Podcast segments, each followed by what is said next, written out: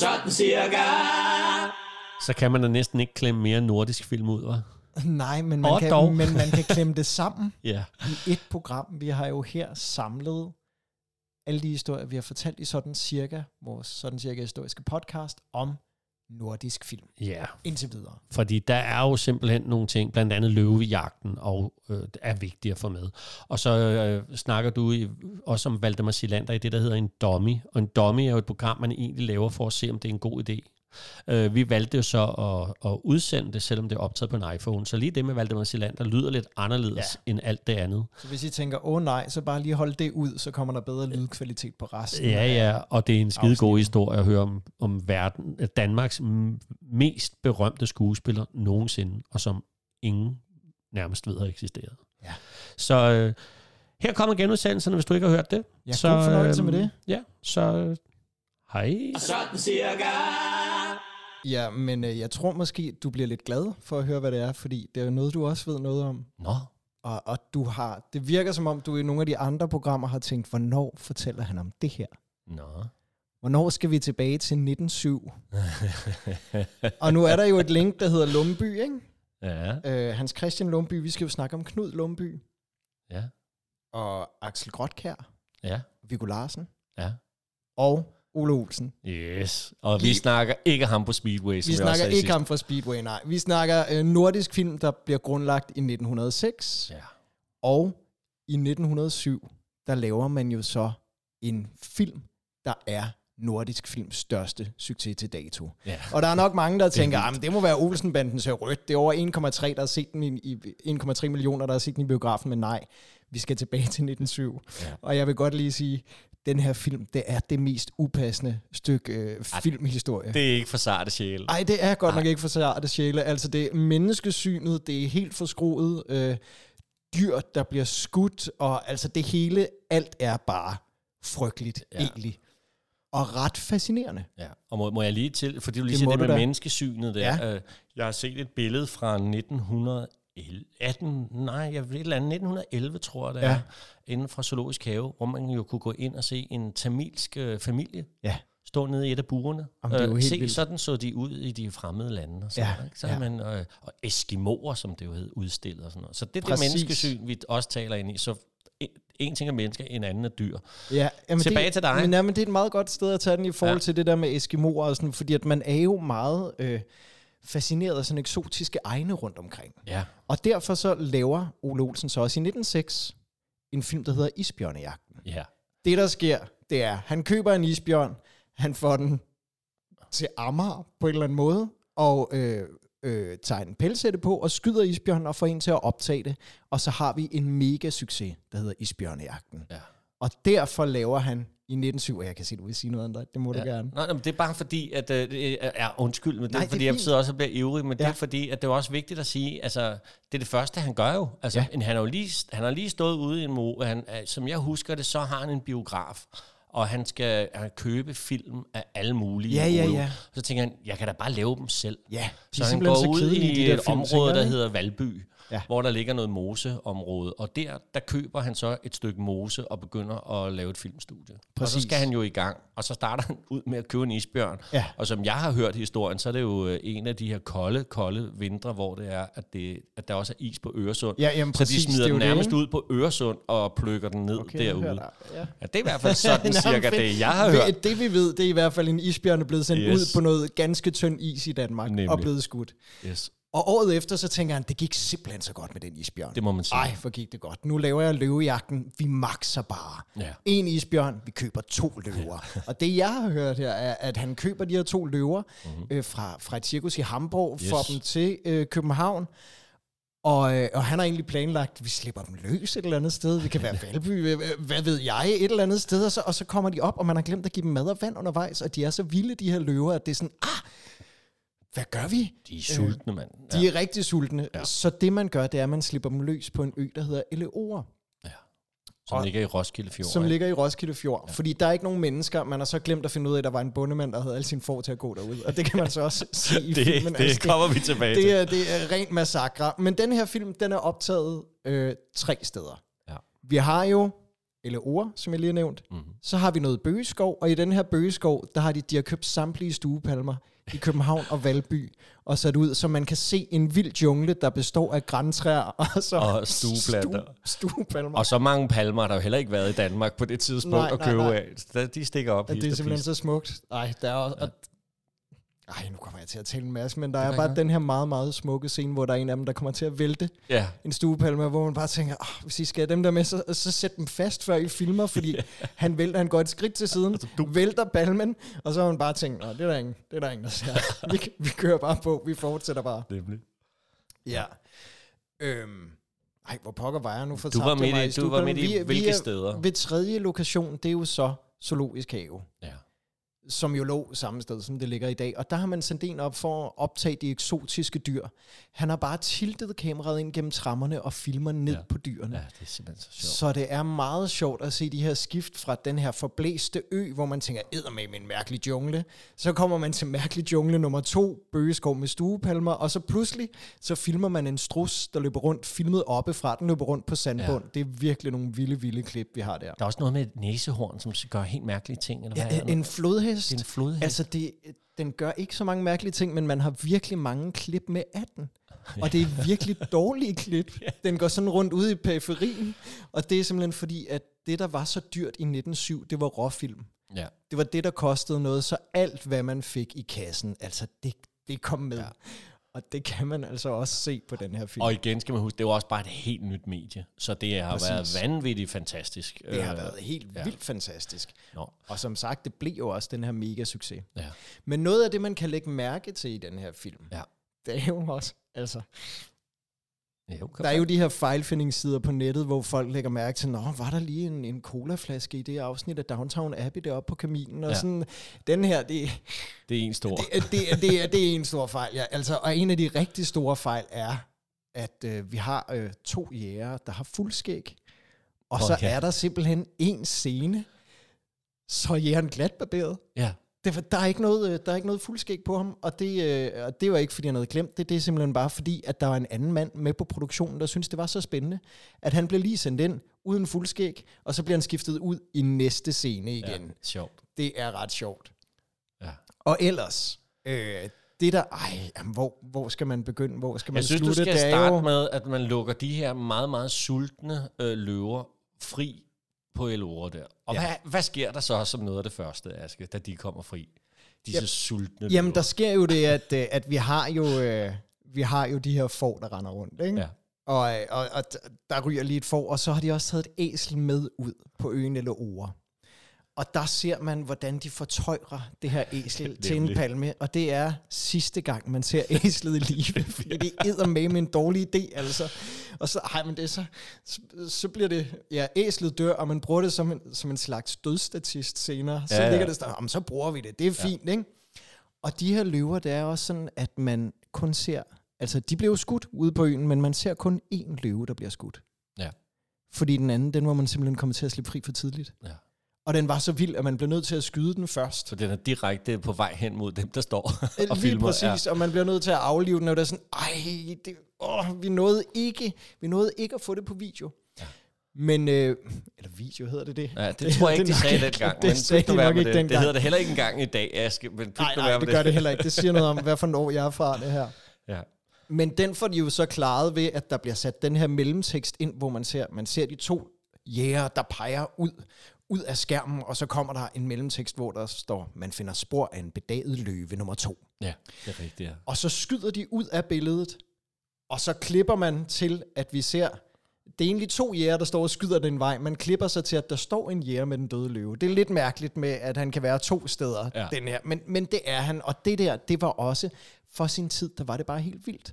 Ja. Det vi skal huske med den her film, det var, at den var, er, at den var så action-packed. ja. Altså, jeg har set plakater for film, hvor øh, den her, den spillede sammen med dem. Det var typisk sådan, at der var sådan flere små film, der spillede i biografen, hvor det har været Løvejagten sammen med Gardasøen, ja. et kraftigt vindpust. Ja. Man bør aldrig spise hvidløg. Altså sådan nogle virkelig tørre, Ja. tørre titler. Så derfor så var det her bare action, action, action. Og det er det jo også med, for kan du huske, hvor lang den er? Den er, Den er, ja, hvad 10, er det? Er det 11 minutter? Ja, det er sådan noget lignende. Ja. Altså, så alt det, du sidder og fortæller om nu, sker jo på 11 minutter, Jamen, ikke? det gør det jo. Ja. ja. Og øh, dramaturgien er jo det her med, at de får, de får jo skudt løverne, og så vinder de jo til sidst. Men det er jo også sådan, at de har den her, der er den her afroamerikanske mand med, der hedder William Thompson, Ja. som skal hjælpe med at finde løvespor, og det er her, hvor filmen bliver...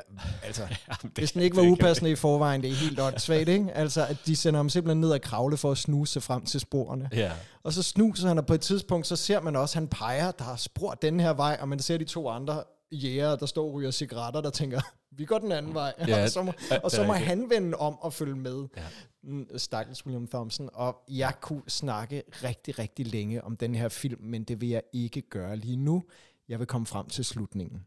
Ja. Fordi i slutningen, der ser vi de to hovedrollenhavere, der står med hver deres smøger og ryger, ja. selvfølgelig.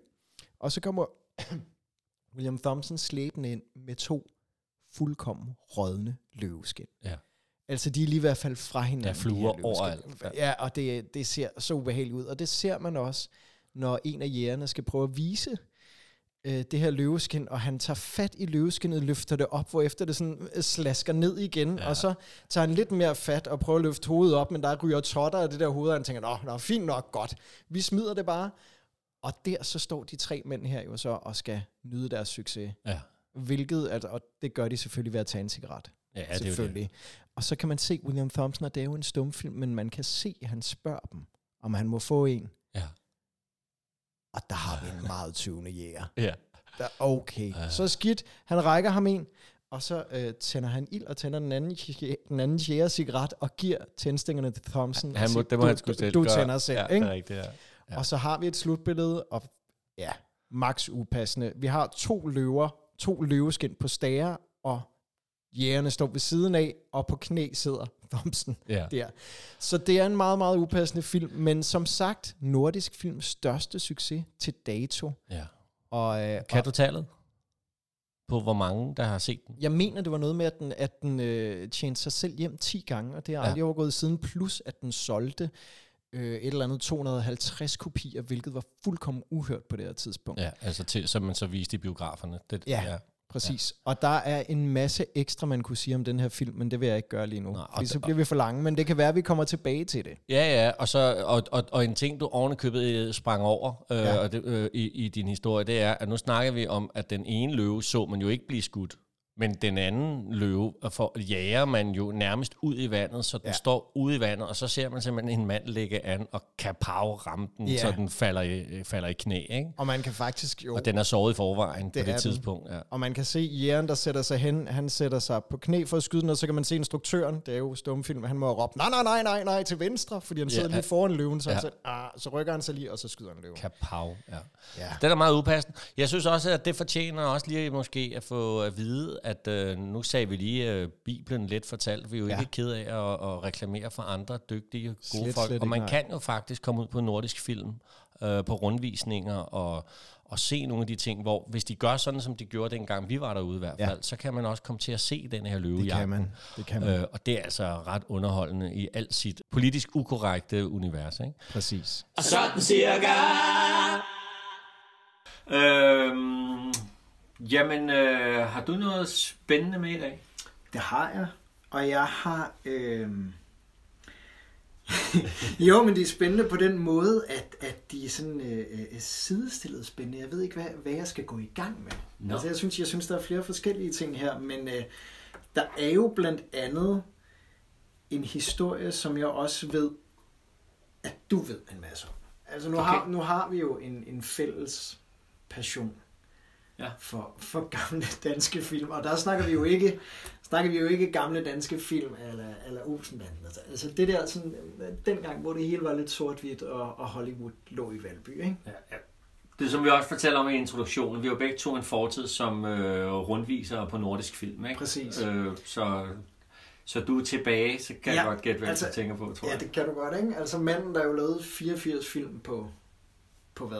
det er 6-7 år Ja. eller sådan noget, ikke? Altså Val- Valdemar Silander. Ja. Og, og Silander, det er jo det sådan, det udtales, han hedder jo PSI. Ps, Ja. Silander. Ja.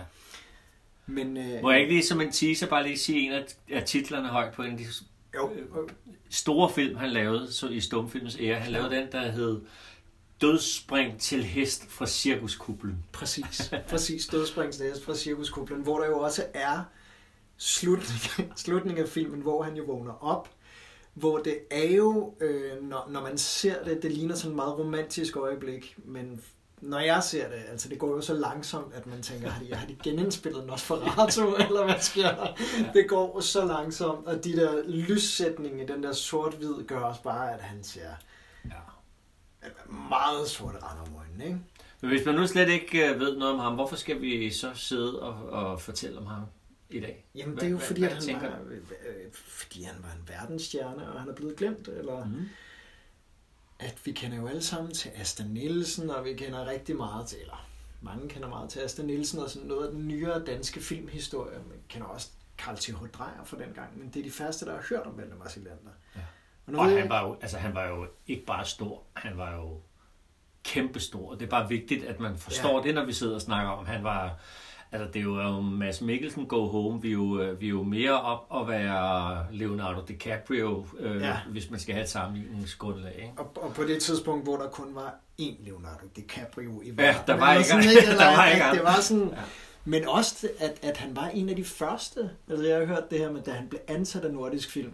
Der kommer han jo som teaterskuespiller, og tænker, fuck, skal jeg lave film?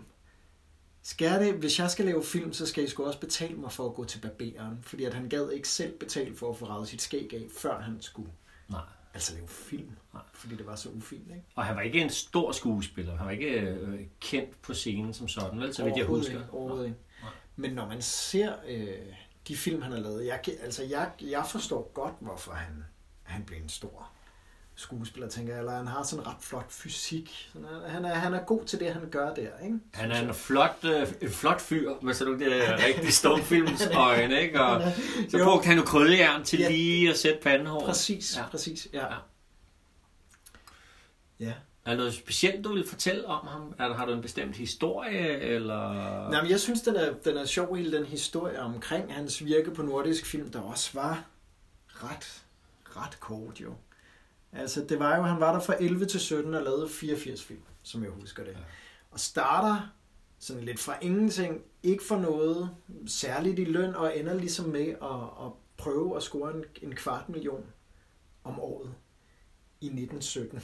Ja. Så det er gået eksplosivt stærkt. Og det er jo svarer jo til, har vi tal på det, det er jo, altså det er, det er mange, mange, mange, mange, mange penge. Ja. Ja. Og at han jo så dør i en alder af 32. Ja.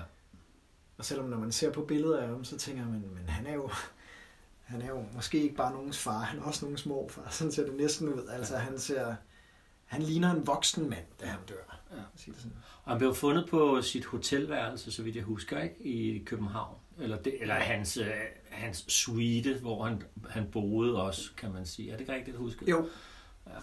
Eller det, og det er jo Det er sådan cirka- Sådan cirka, sådan- lige præcis, lige præcis med hans død, der er det også, øh, Ja. man ved ikke rigtig, hvad der er helt rigtigt. Men nu kommer vi jo dertil, hvor jeg synes, det hører hjemme. Fordi ja. Der er jo en... Øh, altså, han bliver i hvert fald fundet, og det kan være, der, det kan være selvmord, og det kan være for mange stoffer, det kan være ja. Alt muligt, at han bliver fundet der. Ja. Og så kommer der jo en sidehistorie, som er en af dem, vi elsker at fortælle ude på Nordisk Film. Det gør okay. jo. Kan du ikke fortælle ja. den? Jo, det vil jeg gerne, men bare, bare for lige sådan at, at sætte scenen lidt mere før jeg fortæller. Okay. den. Det er jo det her med, den her mand, han, øh, han er så stor, at han har et, øh, et kunstnernavn i Rusland, han hedder Garrison. Det er rigtigt. og der er, der er ingen, der ved, der er ingen, der ved hvor, hvorfra det stammer. Det er bare Garrison. Og der er også den her historie med, at man får et brev på nordisk film, hvor det er sådan en russisk psykiater, der har den her patient, der bare øh, altså simpelthen er så forelsket i mænd, at hun bare går med sådan en lille, sådan en lille idolbillede af ham. Jeg ser Ja. bare sådan en krøllet foto for mig, som hun jo frem fra inderlommen og ligesom kæler, ikke? Og det er, øh, at hun er så forelsket i ham, at hun ikke kan fungere. Hun, hun, øh, det, hun kan ikke fungere i hverdagen, så, og psykiateren han er sådan, at han kan ikke hjælpe hende. Der er ikke noget medicin, der hjælper mod det der, så han skriver og spørger nordisk film. Kan I ikke sende et billede, hvor han ikke, ikke er lige så pæn? og, og Valdemar Silander, der jo så går med til det, siger historien. Det er jo igen sådan cirka, men sådan er det blevet fortalt, at øh, der bliver taget et billede og sendt afsted, og efter noget tid, så får man så et svar fra den her psykiater, der skriver, tusind tak, nu havn det bedre. altså, altså så, så, pæn, så pæn er han, så stor en stjerne er han jo. Ja. Ja, han er kæmpe. Altså, Kæmpe, ja. kæmpe stjerne. Det er virkelig værd, hvis man bliver lidt nysgerrig på det, at gå ind og tjekke ud, om man synes noget om filmhistorie er spændende. Fordi der er han... Øh, det er mærkeligt, at han er blevet glemt, faktisk. Ja, det Også er fordi, at vi øh, danskere, vi har så travlt med, når der er nogle danskere, der bliver til noget eller noget, så, så har det her lille land brug for at blive bekræftet i, at vi havde en stjerne. Så hvordan at, at han kan huskes, øh, er, er meget interessant, synes jeg faktisk. Eller han Ja. ikke huskes nu til dags. Nå, Jo. men hvad skete der så? ja, ja, der, der blev faktisk også udgivet et, et mindeskrift, som jeg ved, at du har læst. Nå ja, Sådan efter, som du har læst højt for din kone, er det ikke rigtigt? Jo, det kan jeg, jo, jeg kan sgu ikke huske. Øh, Nej, Det okay. er så lang tid siden, jeg har været nede i det. Ja. Øh, står der noget, jeg skulle kunne huske? Nej, nej, jeg kan bare huske, at du synes, at det var... øh, At, at det var virkelig en hyldest til Det sådan en, en Det græsk. Det er- Adonis-type, ja, det er helt at, at det, Altså, ja. det er de, på de helt Det skal jeg finde frem navler. til, til et andet. Øh, det behøver ikke være den eneste gang, vi skal snakke Silander. Nej, nej. Nej. Men i hvert fald, det er sådan, at i 1917, der har han så lavet, jeg ved ikke, det her, omkring 80 film. Ja. Og han tænker, jeg vil have en lønforhøjelse. Jeg vil have en kvart million. Og det kan man ikke give ham, selvom nordisk film jo kører rigtig godt på det tidspunkt. Mm. Måske især lige et par år før det. Han kører vildt godt, men han vil have den her kvart million. Og det går ikke. Så derfor så stopper Silander derude. Og når faktisk at stifte sit eget produktionsselskab også og tænker, at nu skal han, øh, nu skal han ud og skabe film og sådan, og så dør han, som du siger, Mm. og bliver fundet på sit hotelværelse. Man ved ikke rigtigt, hvad det er. Man kan se, at der er ragt ud efter telefonrøret, har jeg hørt. Som jeg siger, ja, i hvert fald, at den ligger der på gulvet. Ja. Ragt ud efter det. Men faktum er i hvert fald, at Ole Olsen stifter en nordisk film. Ja. Ikke ham, der kører Speedway. Vi er lige nu over sådan tidligere. Det er også, han er også en historie for sig, vi kan tage en anden dag. kommer vi også til at snakke om, ja. Ja. Han tænker, jeg har øh, fire film med Silander, og de er færdigindspillet, og de er ikke sendt i distribution. Og den er død. Altså lige meget, hvad han er død af, så er den for kedelig. Det er alt for kedeligt, så, så han opfinder jo simpelthen en historie med, at, øh, kan du huske det? Ja, ja, du skal Ja, fortælle. ja, mig. jeg, sidder tager den gerne, jeg tager den meget gerne, men at, øh, at på, altså, den aften, hvor Silander dør, det der er, det er, at der bliver holdt en afskedsreception, hvor der bliver skålet, og det er fantastisk, og, og der er jo damer, som der altid er omkring Silander, selvom han er gift og sådan noget. Så der er damer, og der er en af de her damer, som han simpelthen tager med ned i sin garderobe, som findes ude på Nordisk Film, som man også stadig kan se den dag i dag. Og som jeg har hørt det, så er det jo så sådan, at øh, ham og damen er i garderoben, og så kommer der en fan, der er kommet ridende fra St. Petersborg. altså, simpelthen, og, og øh, urensagelige, altså veje simpelthen kommet frem til Valby, og finder hans garderobe. Og endelig, altså hun er reddet der fra St. Petersborg til Valby, jo bare for at se ham. Og så ser hun ham gennem vinduet i garderoben. Og der sidder han og er i gang med en anden kvinde. Og det, det kan hun ikke holde til. Så hun flår døren op og trækker den pistol, hun også De havde har med. med. Fordi det, når man nu, der er jo lang, lang farlig Ja, vej der, ikke? Og så, øh, så affyrer hun fire skud. Ja. Og tre af dem, de sætter sig så i kakkelovnsrøret. Og der er tre huller i kakkelovnsrøret derude den dag i dag. Og det sidste rammer ham lige i hjertet. Selvfølgelig. Og han er død på stedet.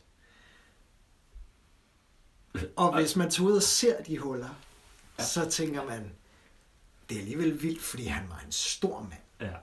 Hun kan ikke ramme den her kæmpe mand i en lille garderobe, men tre huller i et kakkelovnsrør, før det sidste skud rammer den her. Ja. altså vel to meter høje mand. Og det vilde ved den her historie er også, at, altså prøv at gå ind og søge på Wikipedia, fordi at man ved jo ikke sådan helt, hvad han døde af, men der står faktisk, man mener, han døde af et hjertestop, og så er der, på Wikipedia står der, men en anden historie, altså, Ja, han så- blev skudt i sin garderobe. For den er jo meget federe, Ja. øh, den historie. Og det er jo den Ja. ja. historie, som Ole Olsen fik sagt, ikke? Jo, jo, Øh, jo. Og, og det der så, jeg synes, der er det rigtig fede ved historien, hvis jeg, hvis jeg må Ja, ja, tage endelig, den, endelig. det er, fordi vi fik jo lige nævnt, at han bruger et krøllejern. Ja. til at ordne sit pandehår med. Ja. Og historien går på, at Ole Olsen, han skaber hele denne her sådan mere spektakulære død. Ja. Og så går han ned i garderoben, og så tager han hans øh, krøllejern, som jeg jo skal tænke på, dengang var et stykke glødende varmt jern, man knaldede mm. i håret. Og så laver han simpelthen tre huller med sit glødejern ja. i Ja. det der kaminrør, og der har vi øh, det tre skud. Ja, ja. Så det er jo sådan cirka, Ja, ja, sådan cirka, ja. øh, han Og det- døde. og det er bare en fantastisk historie. Fantastisk historie, fantastisk historie om, hvordan øh, nordisk film blev kørt, og hvorfor det stadig findes. Ja. Øh, fordi de har haft en direktør, der bare har fundet nogle vilde veje at gå, hvor alle andre firmaer er lukket. Sådan cirka. Hej igen. Øh, jamen, vi øh, her i december fortæller vi jo bare små historier, jo, øh, Det skiftes vi. til det. Og i dag er det blevet min tur. Mm. Og den her historie, den ved jeg ikke, om jeg kan holde ned på de der fem minutter. Nej, Fordi men- at, øh, der bliver, kommer nødt til at komme en personlig vinkel med. Også mest for din skyld.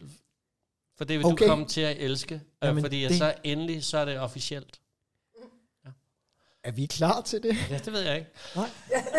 øhm, men ved du hvad, øh, det er en historie, som egentlig også er almen kendt, men det er stadigvæk lidt sjovt. Ja. Og jeg har det simpelthen fra hestens mund. Okay. Ja. Hvorfor siger man det?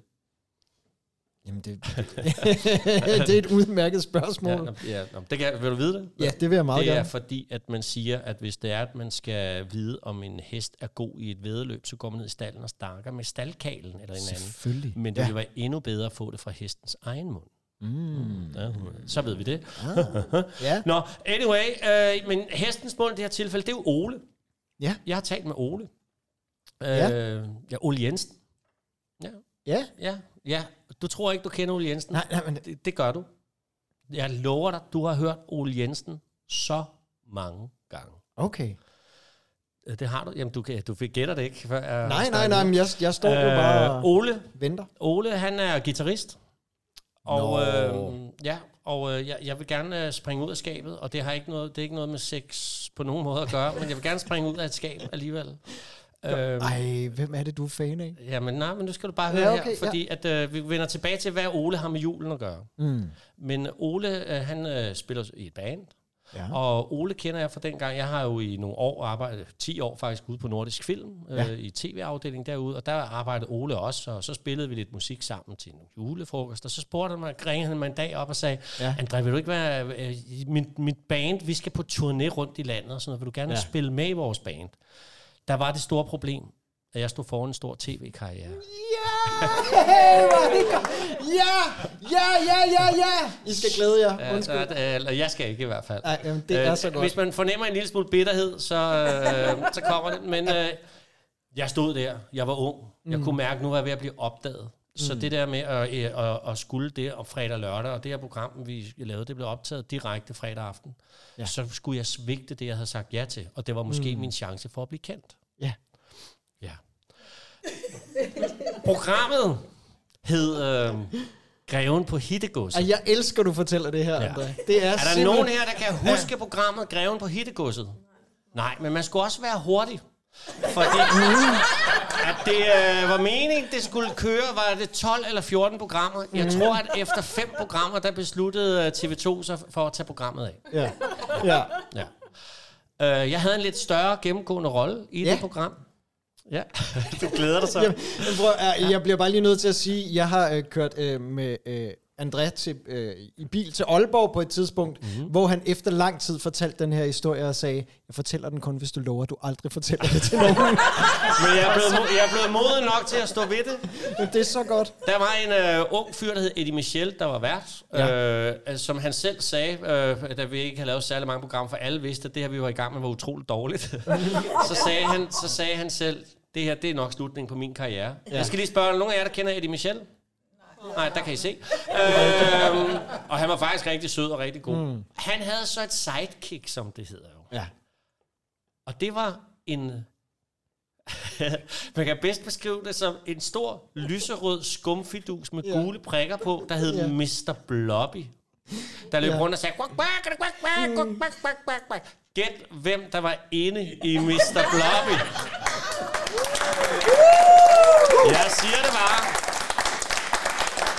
Jeg sagde nej til at spille det her band, fordi jeg skulle være inde i Mr. Blobby, øh, øh, øh, som jo så nåede programmet jo så blive taget af, inden mm. turnéen startede ja. for det band, jeg skulle have været afsted med. Hvor nu, at min, jeg havde så anbefalet en af mine gode venner. Ja. Jeg var ikke helt klar over, at bandet var sådan lidt på vej op på det tidspunkt. At de lidt efter ville vinde fire Grammy'er. Nej. Og jeg skulle ind og se min gode ven stå på Grøn Koncert og få en mm. udsolgt plæne og spille. Øh, fordi bandet, som nogen fra 90'erne nok kan huske, hed Østkyst Hostlers. Mm. Men det, jeg var ikke med. fordi jeg var jo Mr. Blobby. Eller det var jeg jo ikke. Du var, fordi programmet var jo taget af. Ja.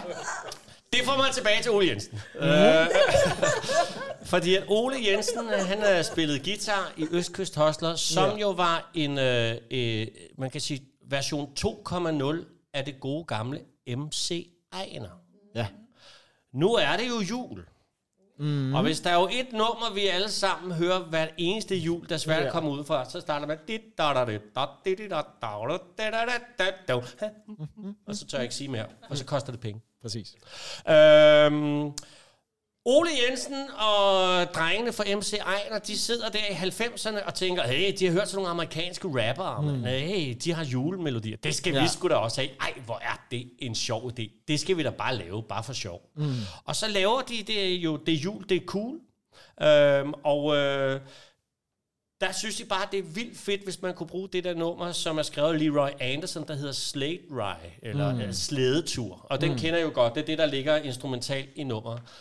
Det skal man jo bare lige spørge om lov til. jo. Ja. Øh, ja, okay. Ja, vi, ja, ja, vi spørger.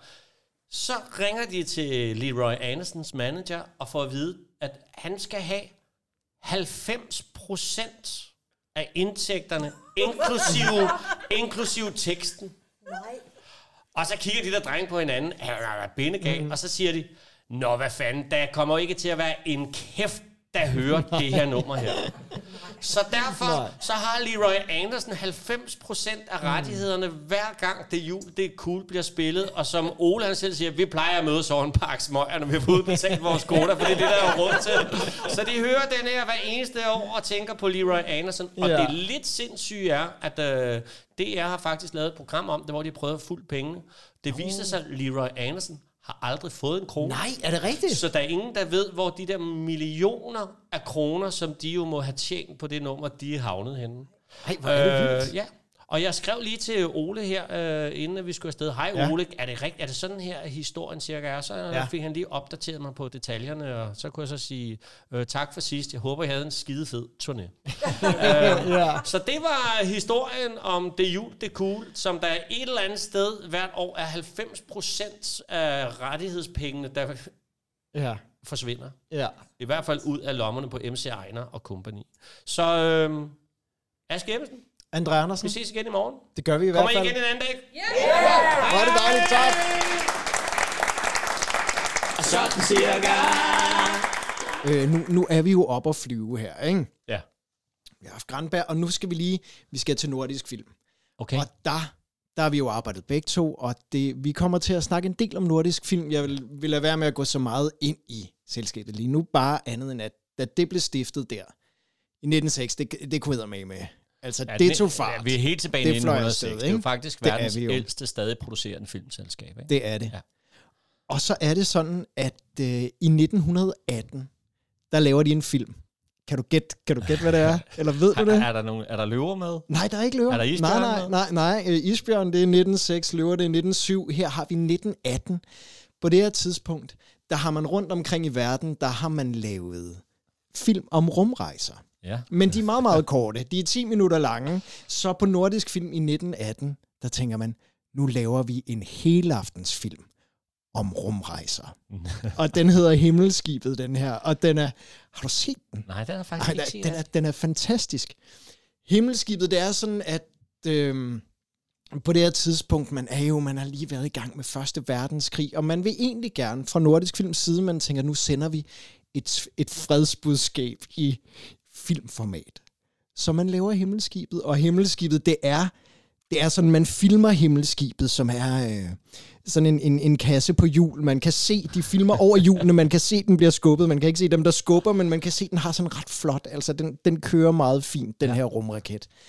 Så flyver den op til Mars, og der så lukker linsen ligesom. Og når den så åbner, så er vi på Mars. Det er klart. Og Mars, det er det er selvfølgelig et stenbrud syd for København, ikke? men det, det er der jo ingen, der ved. Men det vilde er, at nu vil de ligesom sælge det her fredsbudskab, og det, man kommer op til på Mars, det er som om, at de har forudset, hvordan hippiebevægelsen vil komme til at se ud. Vi er i 1918, God. men her vi kommer, kan jeg huske ja, noget. Ja, ja. vi kommer op til veganske pacifister, og de alle sammen, de ligner, men tænker sådan, det, er sådan helt, helt Woodstock. Altså, de, de har hvide kjoler på alle sammen, og sådan enormt flot, langt krøllet hår, og så er det som om, at, at når der er en, der bevæger sig, så de andre bevæger sig også, og de er sådan, altså det, det er meget, meget fredeligt og hyggeligt deroppe på Mars. Og øh, det, det er også ligesom det budskab, de kommer med. Ja. Det er sådan meget højtstående individer, vi har her, ja. de her Marsboere. og det, der så er konflikten, altså, prøv, prøv at de har lavet den her tekniske, altså fuldkommen fantastisk flotte film for 1918, men så kommer konflikten, Ja. som er, der er en jordboer, der i det her pacifistiske univers, trækker sin pistol, skyder op i luften, og der falder en død and ned ved siden af. Det er sådan helt, altså helt stumfilms kliché, det der. Det er simpelthen ja. så fedt. Og så er der jo konflikter. Og ja, lang historie. I hvert fald, så er der nogle af de her Marsboere, der øh, bliver sat med på den her rumraket, der skal tilbage til jorden. Men nede på jorden, der tror de, at, at, at, at de har mistet dem. Altså, der, der er ikke noget tegn på liv for dem, der er taget til Mars, men så er der en mand, en stjernekikker, der kigger i sin kikkert, og på stjernehimlen ser, hvad, hvad tror du, stjernebilledet hedder? Åh, oh, det ved jeg ikke. Nej. Et, et stjernebillede, der forsikrer ham, at alt er i orden, og de er i live. Det er selvfølgelig stjernebilledet corona. er det ikke fedt? så, så ved han, okay, de, de alle, alle er i live, alle har det godt. Ja. Og så kommer de tilbage til jorden, og øh, ja, lever lykkeligt til deres dages ende. Og det fede, det er jo, at da filmen udkommer, der er Første Verdenskrig netop stoppet. Det er jo det. Så der er uh, fred på jord lidt. Og i forhold til det her, om de pacifistiske øh, rumvæsener, så øh, øh, det, det vil jeg sige, det, det kommer min næste historie også til at handle om. Okay. Og så, og så vil jeg ikke sige mere. Du har lyttet til Sådan Cirka, tilrettelagt og indtalt af Aske Ebbesen og André Andersen. Du kan følge os på vores Sådan Cirka Facebook-side og læse mere om vores liveoptrædener, byvandringer og podcast på sådancirka.dk, andreandersen.dk og askeebbesen.dk. Programmerne er produceret af André Andersen Teaterkompagni, og det var Sådan Cirka den lange smør. Yeah.